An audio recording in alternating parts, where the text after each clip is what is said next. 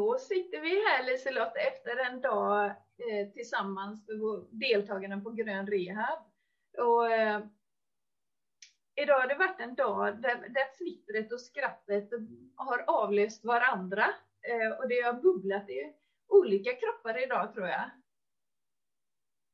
Det där vill jag veta mer om.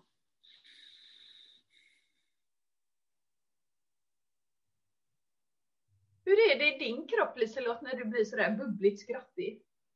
Ja, det, det, då är det ju sådär så att det, man har svårt att sluta. Alltså det, det, bara, det blir ju någon automatisk... Eh, alltså jag tror att det också handlar lite grann om att när man väl kommer igång och skrattar så har man så himla mycket lust att skratta, man längtar efter att få skratta, det är så skönt att få skratta. Så det är svårt att sluta tycker jag när man väl har kommit igång, när man har kommit ur en tröskel där liksom. Sen så bara ah, man kan inte lägga av och det är minsta lilla grej så kommer man igång och skrattar igen. Ja. Hur är det för dig då? Eh, ja, det är samma. Och det, och det fina, att om du är sådär skrattig, det smittas ju så himla härligt. Och idag var det verkligen så, det smittades eh, från person till person. Och eh, man skojar med varandra och ja, det var sån härlig humor. Eh, och det bara spreds en värme mm. som var så skön. Och jag tänker att det är ett gott betyg liksom när det kan vara så där busigt, fnittrigt, skrattigt eh, på ett naturligt sätt.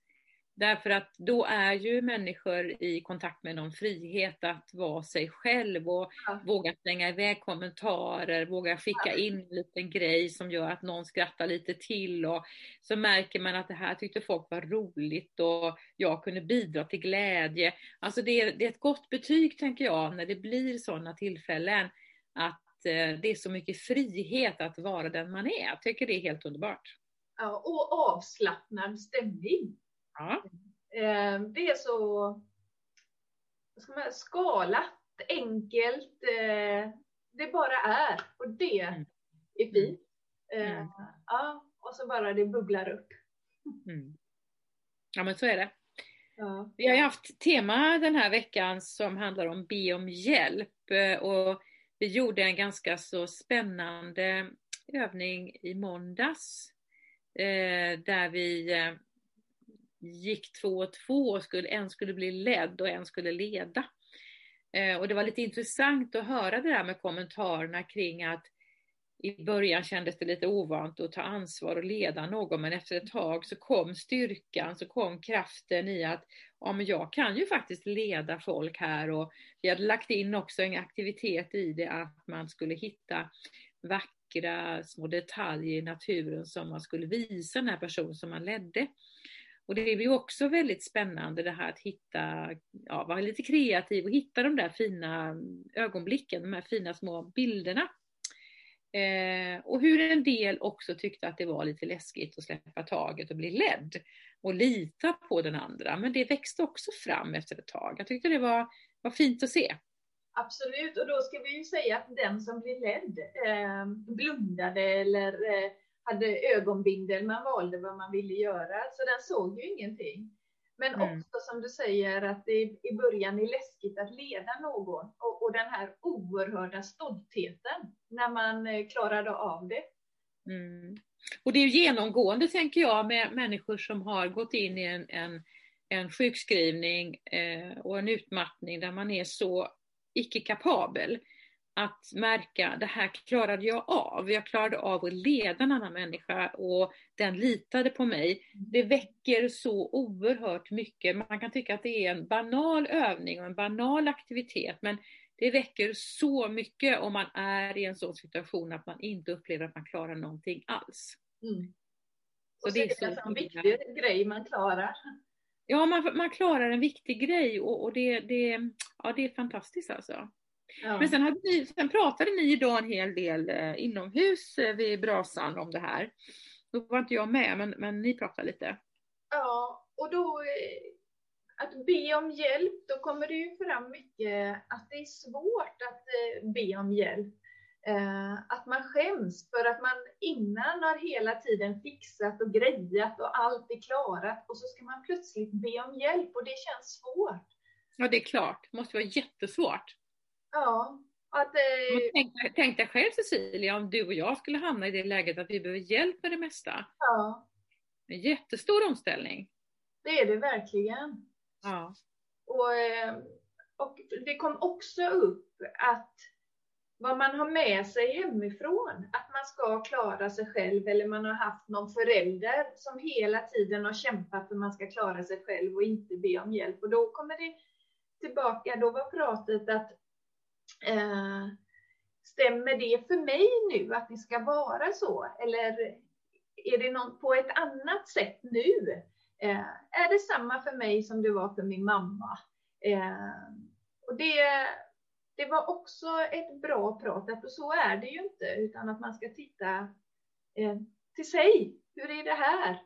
Och, eh, men just det här att våga eh, be om hjälp, det är svårt. Men vad är det som, vad är det som vad är det som gör att det är så svårt då, att be om hjälp? Är det, är det, är det, är det liksom, finns det någon värdering kring det, att det är, är dåligt? Är det det du menar, att man, man har med sig någon värdering från sin historia, sin kultur, om att man ska vara så himla självförsörjande på något sätt, eller? Dels har, man, har en del, vad jag förstod idag, har man med sig att hemifrån, att man ska klara sig själv. Eh, mm. Det ska, man, man frågar inte någon om hjälp, utan man ska fixa det. Eh, mm. Så är det. Och då har man med sig den biten. Men mm. också eh, det här att man inte vill visa att man inte klarar det längre. Mm. Utan man vill eh, att, eh, att inte andra ska se att man inte fixar det mer. Mm. Är det här någonting som vi kopplar ihop med vuxen och barn tror du? Att man, att man upplever att man inte är vuxen om man behöver hjälp, är det så? Mm. Det där var ju spännande tänkt Liselott. Så har jag inte tänkt. Att man förknippar det med att man är en omogen och barnslig person om man ber om hjälp? Jag vet, jag, jag vet faktiskt inte. Jag har inte tänkt på det. Men det är nog mer att man, att man inte är stark. Mm.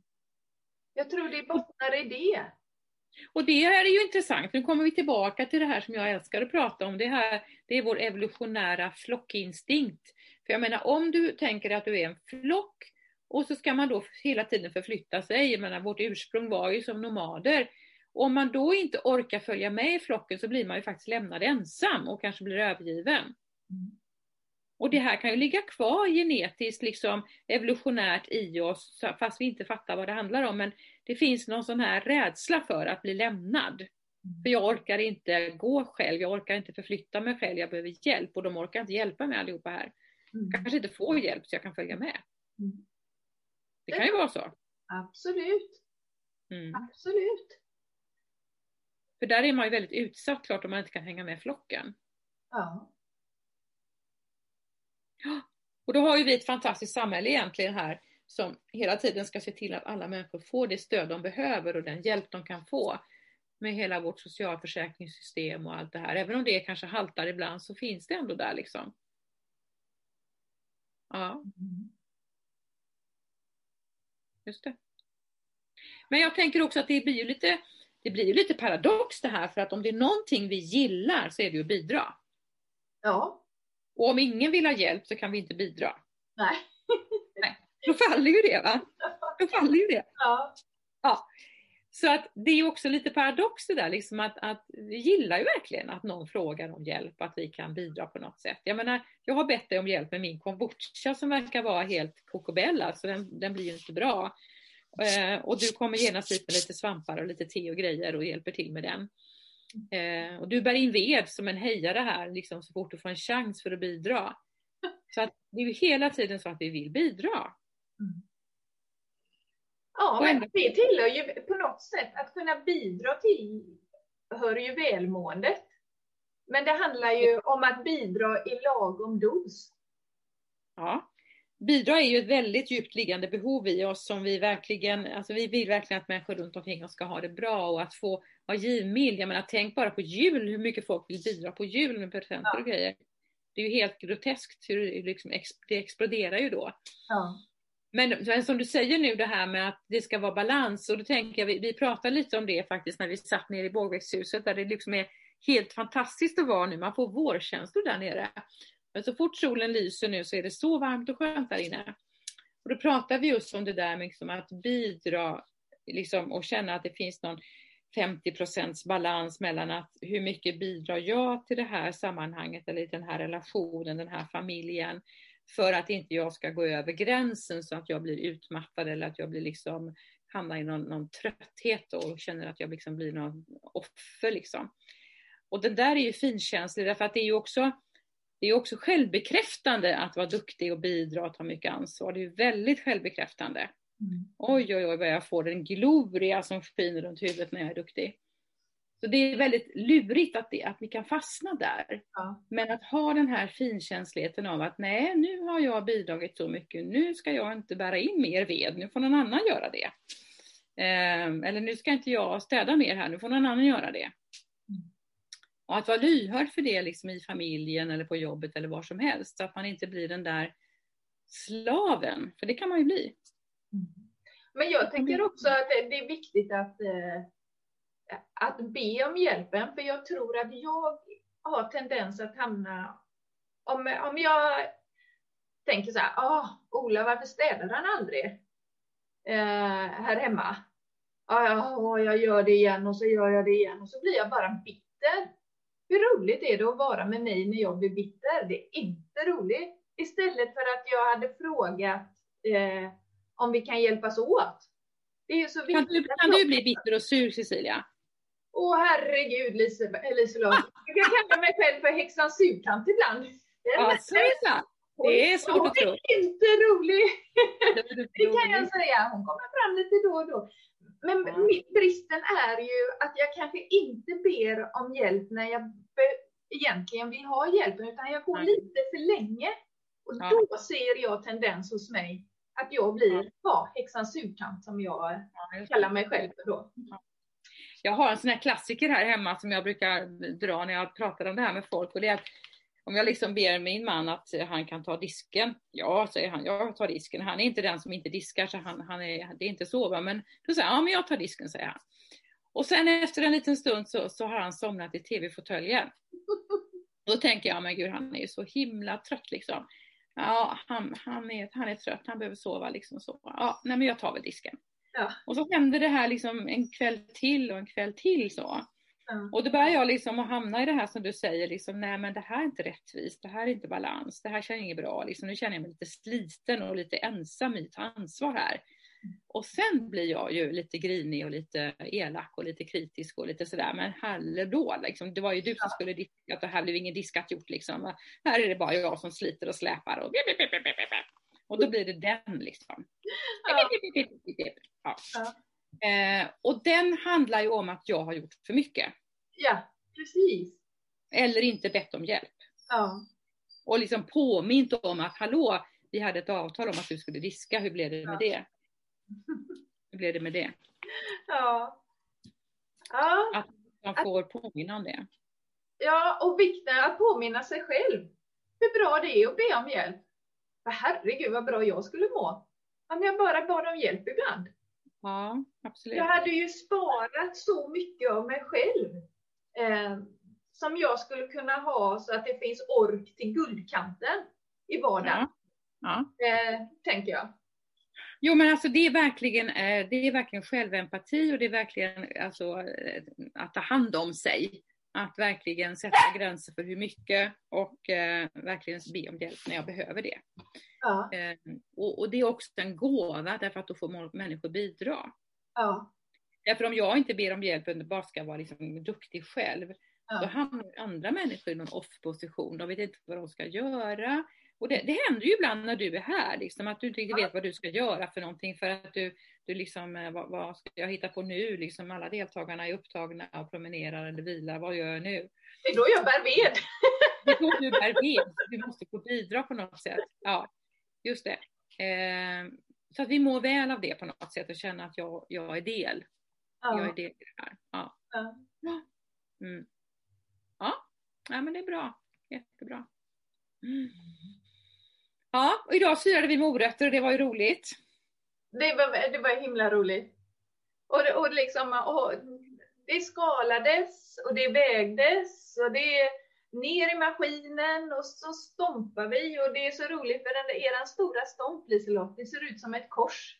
Så alla undrade ju innan, vad ska vi ha denna till? Men den är fantastisk och bara ja, stå ja, upprätt och pressa och fylla och få med sig en burk med otroligt vacker eh, orange färg från de syrade morötterna. Ja, ja. Och jag märkte också det, alltså, vi hade en av deltagarna idag som upplevde att det var svårt att fokusera, det var rörigt, det var splittrat och det var liksom sådär ofokuserat överhuvudtaget. Men då, i den här stunden, då blev det fokus. Vilket också gjorde att personen mådde väldigt bra. Ja, och det var så mycket glädje.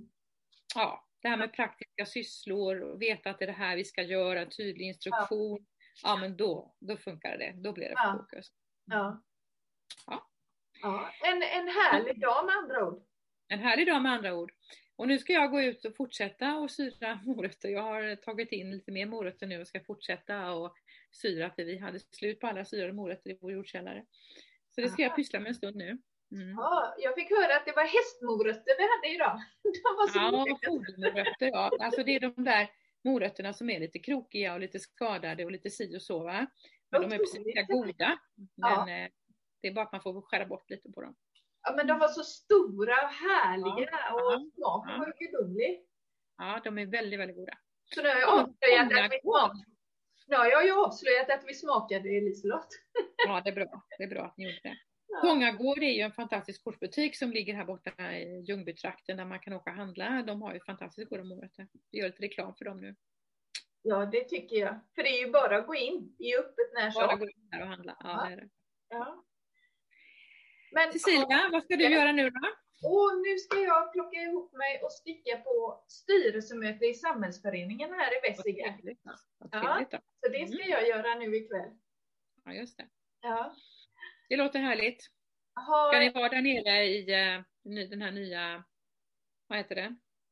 Nej, ja. vi ska vara hemma hos en och så sitter vi sådär härligt utspritt. Ja, ja. ja. Så ja, det blir bra. Ja, men, det blir bra. Ja, så att eh, du får ha en fin kväll. Jag ska ha en fin kväll. Ja. Lycka till med ditt. Tack detsamma. Ha det gott. Hej då. Hej. Hej. Hej då.